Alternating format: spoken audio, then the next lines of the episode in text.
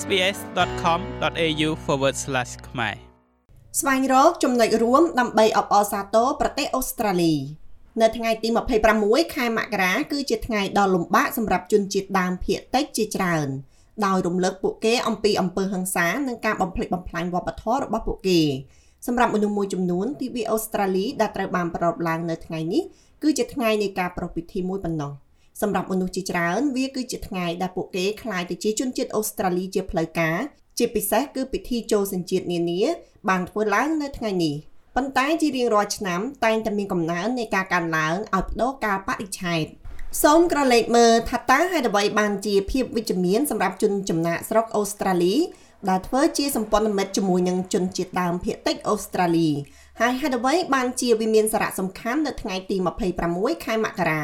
Kevin Sommer គឺជាអ្នកចម្រៀងនិងជាអ្នកនិពន្ធបទចម្រៀងជនជាតិដើមគាត់និយាយថាវាមានសារៈសំខាន់សម្រាប់ប្រជាជននៅក្នុងការធ្វើជាសម្ព័ន្ធមិត្តជាមួយនឹងជនជាតិដើមភាគតិចជាពិសេសជនជាតិអូស្ត្រាលីដែលមានប្រវត្តិជាជនចំណាកស្រុកដែលត្រូវយកច្បាស់អំពីប្រវត្តិនិងការតស៊ូរបស់ជនជាតិដើម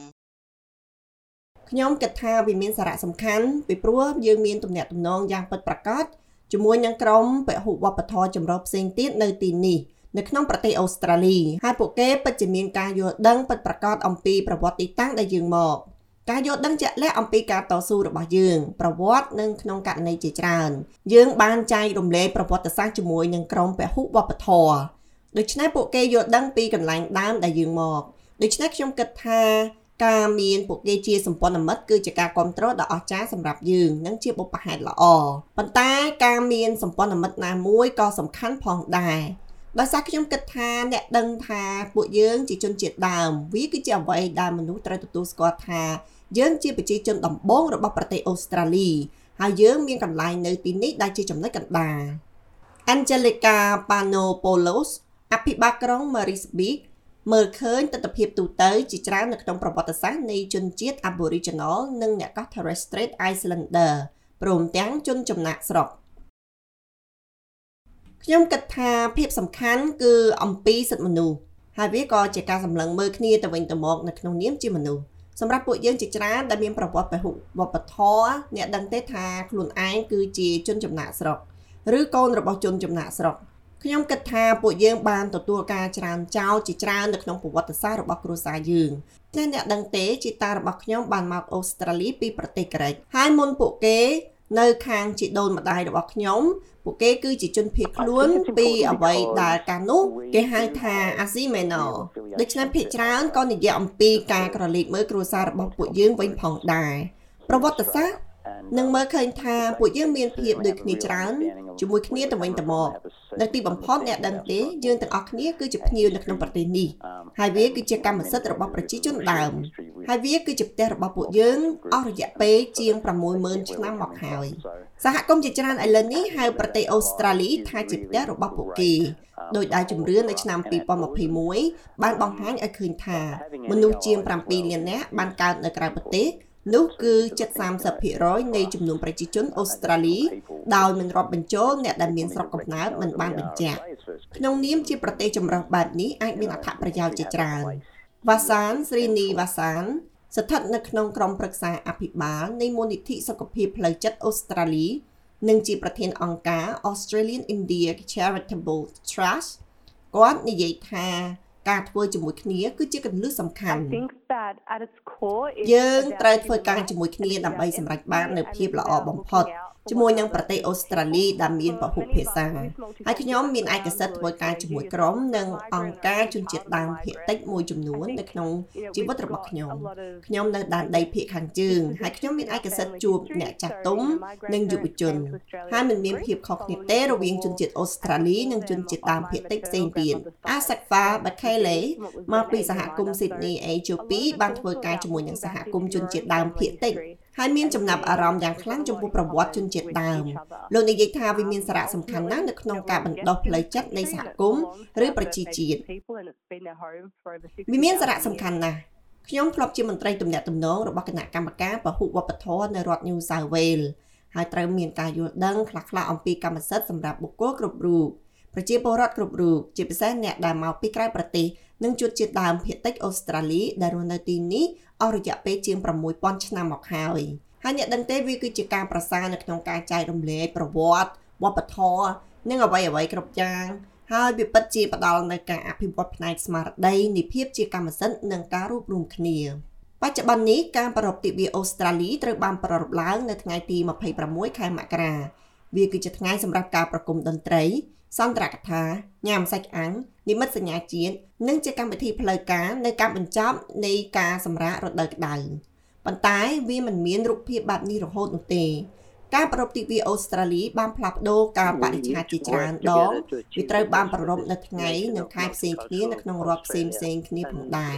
ការបរិច្ឆេទបច្ចុប្បន្នដែលយើងបានបង្កើតឡើងជាទិវាអូស្ត្រាលីនៅក្នុងឆ្នាំ1994បង្កឲ្យមានការតវ៉ាជាច្រើនជនជាតិដើមភាគតិចនិងការកើនឡើងនៃចំនួនសម្ព័ន្ធមិត្តរបស់ពួកគេកំពុងទាមទារឲ្យមានការផ្លាស់ប្ដូរការបរិច្ឆេទ ពួកគេនិយាយថាថ្ងៃទី26ខែមករាគឺជាថ្ងៃដែលបានផ្លាស់ប្ដូរជីវិតរបស់ជនជាតិដើមភាគតិចជារៀងរហូតហើយវាមិនមែនកាន់តែធ្វើឲ្យមានភាពប្រសើរនោះទេទីប្រឹក្សា Angela Panopoulos យល់ស្របថាការបរិច្ឆេទនៅថ្ងៃទី26ខែមករាគឺខុសសម្រាប់ការប្រារព្ធពិធីបែបនេះយើងបានលើថានៅថ្ងៃទី26ខែមករាតំណាងឲ្យថ្ងៃនៃការកាន់ទុក្ខនិងការរស់រានមានជីវិតនិងការឈ្លានពានហើយវាគឺជាថ្ងៃដែលប្រធានក្រុងអោសឺហ្វីលីបបានមកដល់នៅលើទឹកដីអូស្ត្រាលីគាត់បានមកដល់នៅក្នុងឆ្នាំ1988 ហើយនោះគឺពិតជាបានចាប់ផ្ដើមធ្វើការបណ្ដេញចេញនឹងការប្រឡាយពូជសាសន៍ដែលយើងបានឃើញនៅក្នុងប្រទេសនេះហើយនៅថ្ងៃនេះគឺមានសារៈសំខាន់មិនគួរឲ្យជឿព្រោះវាគឺជាថ្ងៃដែលអ្វីៗទាំងអស់ចាប់ផ្ដើមហើយការពិតគឺថាយើងនៅមានបញ្ហាដ៏ធំជាមួយនឹងរបួសអន្តរតំណពូជការប្រកាន់ពូជសាសន៍ជាប្រព័ន្ធនិងបញ្ហាដ៏ធំនៅក្នុងប្រព័ន្ធយុតិធធម៌ប្រមត្តនផងដែរដែលជាមរតកនៃរឿងនេះដូច្នេះហើយបានជាវាសំខាន់ណាស់ ដែលយើងត្រូវស្ដាប់នៅពេលដែលប្រជាជនដើមប្រាប់ថាថ្ងៃទី26ខែមករាមិនមែនជាថ្ងៃដើម្បីអបអរសាទរនោះទេយើងគួរតែស្ដាប់សំឡេងរបស់ពួកគេ Gavin Summer ជាតារាចម្រៀងជនជាតិដើមនិងជាអ្នកនិពន្ធបទចម្រៀងទទួលស្គាល់សារៈសំខាន់នៃការជ្រើសរើសថ្ងៃមួយដើម្បីអបអរសាទរអូស្ត្រាលីជាប្រទេសមួយនិងជាជនជាតិអូស្ត្រាលីទោះបីជាយ៉ាងណាលោកនិយាយថាការបរិច្ឆេទត្រូវតែជាថ្ងៃដែលអ្នករាល់គ្នាអាចកំណត់បានវាពិតជាសំខាន់ នៅថ្ងៃទី26ខែមករាព្រោះវាគឺជាថ្ងៃនៃអត្តសញ្ញាណពិតប្រាកដសម្រាប់ប្រទេសអូស្ត្រាលីសម្រាប់ពួកយើងជាជនជាតិដើមវាគឺជាថ្ងៃដែលមានចំនួនពីព្រោះអ្នកដឹងទេយើងចង់ចូលរួមប្រារព្ធពិធីដែលជាផ្នែកមួយនៃអត្តសញ្ញាណរបស់អូស្ត្រាលីតើយើងស្ថិតនៅក្នុងក្រដាស់នោះមែនដែរឬទេ ប៉ុន្តែអ្នកដឹងទេការបរិច្ឆេទខុសវាខុសទាំងស្រុងយើងត្រូវការការបរិច្ឆេទដែលយើងអាចប្រារព្ធពិធីដោយមោទនភាពរួមជាមួយនឹងសម្ព័ន្ធមិត្តរបស់យើងដែលជាក្រុមពហុវប្បធម៌ផ្សេងទៀតដែលរស់នៅទីនេះផងដែរវាគឺជារឿងសំខាន់ដែលយើងត្រូវជួបជុំគ្នាហើយប្រារព្ធពិធីនេះនៅថ្ងៃដែលយើងអាចកំណត់អត្តសញ្ញាណបាន Greg Rinny នាយកនៃសាជីវកម្ម KY Great Indian នាយកនៃសាជីវកម្ម KWY Aboriginal និយាយថាសំណួរថាតើពេលណាត្រូវប្រពៃពិធីនេះវាតែងតែបែងចែកជនជាតិអូស្ត្រាលីប៉ុន្តែគាត់នៅតែមានសតិធិនិយមយើងពិតជាមានឱកាសដើម្បីរៀនបង្រៀននិងស្ដាប់នៅក្នុងសហគមន៍និងប្រជាជាតិមួយនៅក្នុងនាមជាផ្នែកមួយនៃសហគមន៍នេះនិងក្នុងនាមជាផ្នែកមួយនៃប្រជាជាតិនេះខ្ញុំជឿថាយើងនឹងរៀនទទួលស្គាល់ ការស្រឡាញ់គ្នាទៅវិញទៅមកនិងស្រឡាញ់ប្រទេសនេះដែលយើងហៅថាអូស្ត្រាលីទោះជាយ៉ាងណាអ្នកអាចជ្រើសរើសប្រតិវិនេះសូមចងចាំនៅក្នុងនាមជាជនជាតិដើមកំណើតហើយក្នុងនាមជាជនជាតិអូស្ត្រាលីខ្ញុំក៏ចង់ទទួលស្គាល់ផងដែរថាប្រទេសនេះមានភាពស្រស់ស្អាតនិងអស្ចារ្យប៉ុណ្ណាសំណួរថាតើតើថ្ងៃណាដែលយើងគួរប្រារព្ធពិធីនេះ ច្រើនតែមានការបំភាន់និងបែងចែកយើងថាតើពេលណាគួរបង្រួបបង្រួមយើងទាំងអស់គ្នាជាប្រជាជននិងជាប្រទេសមួយខ្ញុំចង់ប្រារព្ធពិធីទិវាអូស្ត្រាលីមិនមែននៅថ្ងៃទី26ខែមករានោះទេដូច្នេះតើនរណាជាអ្នកសម្រេចចិត្តថាតើការបរិច្ឆេទនឹងត្រូវផ្លាស់ប្ដូរវាសាស្រីនីវ៉ាសានដែលបានធ្វើការជាមួយនឹងក្រុមជនជាតិដើមភាគតិចជាច្រើននិយាយថា គាត់មើលឃើញអនាគតរបស់មនុស្សជំនាន់ក្រោយយោងតាមអ្វីដែលគាត់បានលើកឡើងពួកគេគួរតែសម្រេចចិត្តថាតើត្រូវផ្លាស់ប្ដូរការបដិឆេទឬអត់ការមើលឃើញរបស់ខ្ញុំមានការជជែកដេញដោលជាច្រើននិងព័ត៌មានអំពីថ្ងៃទី26ខែមករាទស្សនៈរបស់ខ្ញុំមនុស្សចំនួនក្រោយគួរតែមានសម្លេងលើបញ្ហានេះអ្វីក៏ដោយដែលពួកគេចូលចិត្តគឺក្រុមមនុស្សដែលមានអាយុពី16ទៅ30ឆ្នាំហើយពួកគេនឹងគ្រប់គ្រងប្រទេសនាពេលអនាគត ប្រសិនបើពួកគេគិតថាគួរតែមានការផ្លាស់ប្ដូរខ្ញុំរីករាយនឹងគ្រប់គ្រងអត្ថបទនេះរៀបចំដោយសាកាផេកកូឆូវ៉ានិងគីរីលីហាឌីនឹងប្រាយសម្រួលដោយនាងខ្ញុំឡៅដានេសម្រាប់ការផ្សាយរបស់ SPS ខ្មែរចុច like share comment និង follow SPS ខ្មែរនៅលើ Facebook However you choose to celebrate this day please keep in mind as an Aboriginal person and as an Australian I too want to acknowledge how wonderfully beautiful and brilliant this country is.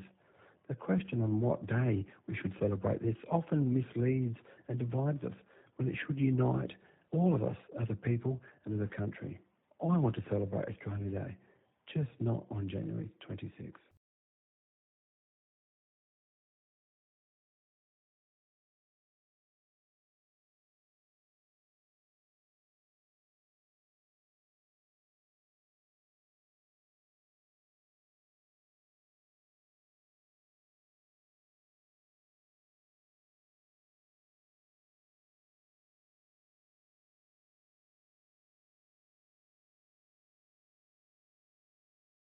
My way of looking at it, uh, know this is there's quite a lot of debate going on in relation to 26th January. Uh, my view, the next generation should have the voice on that. Whatever they prefer between 16 to 30, they are going to rule the nation in the future. If they think that there should be a change, I'm happy to support.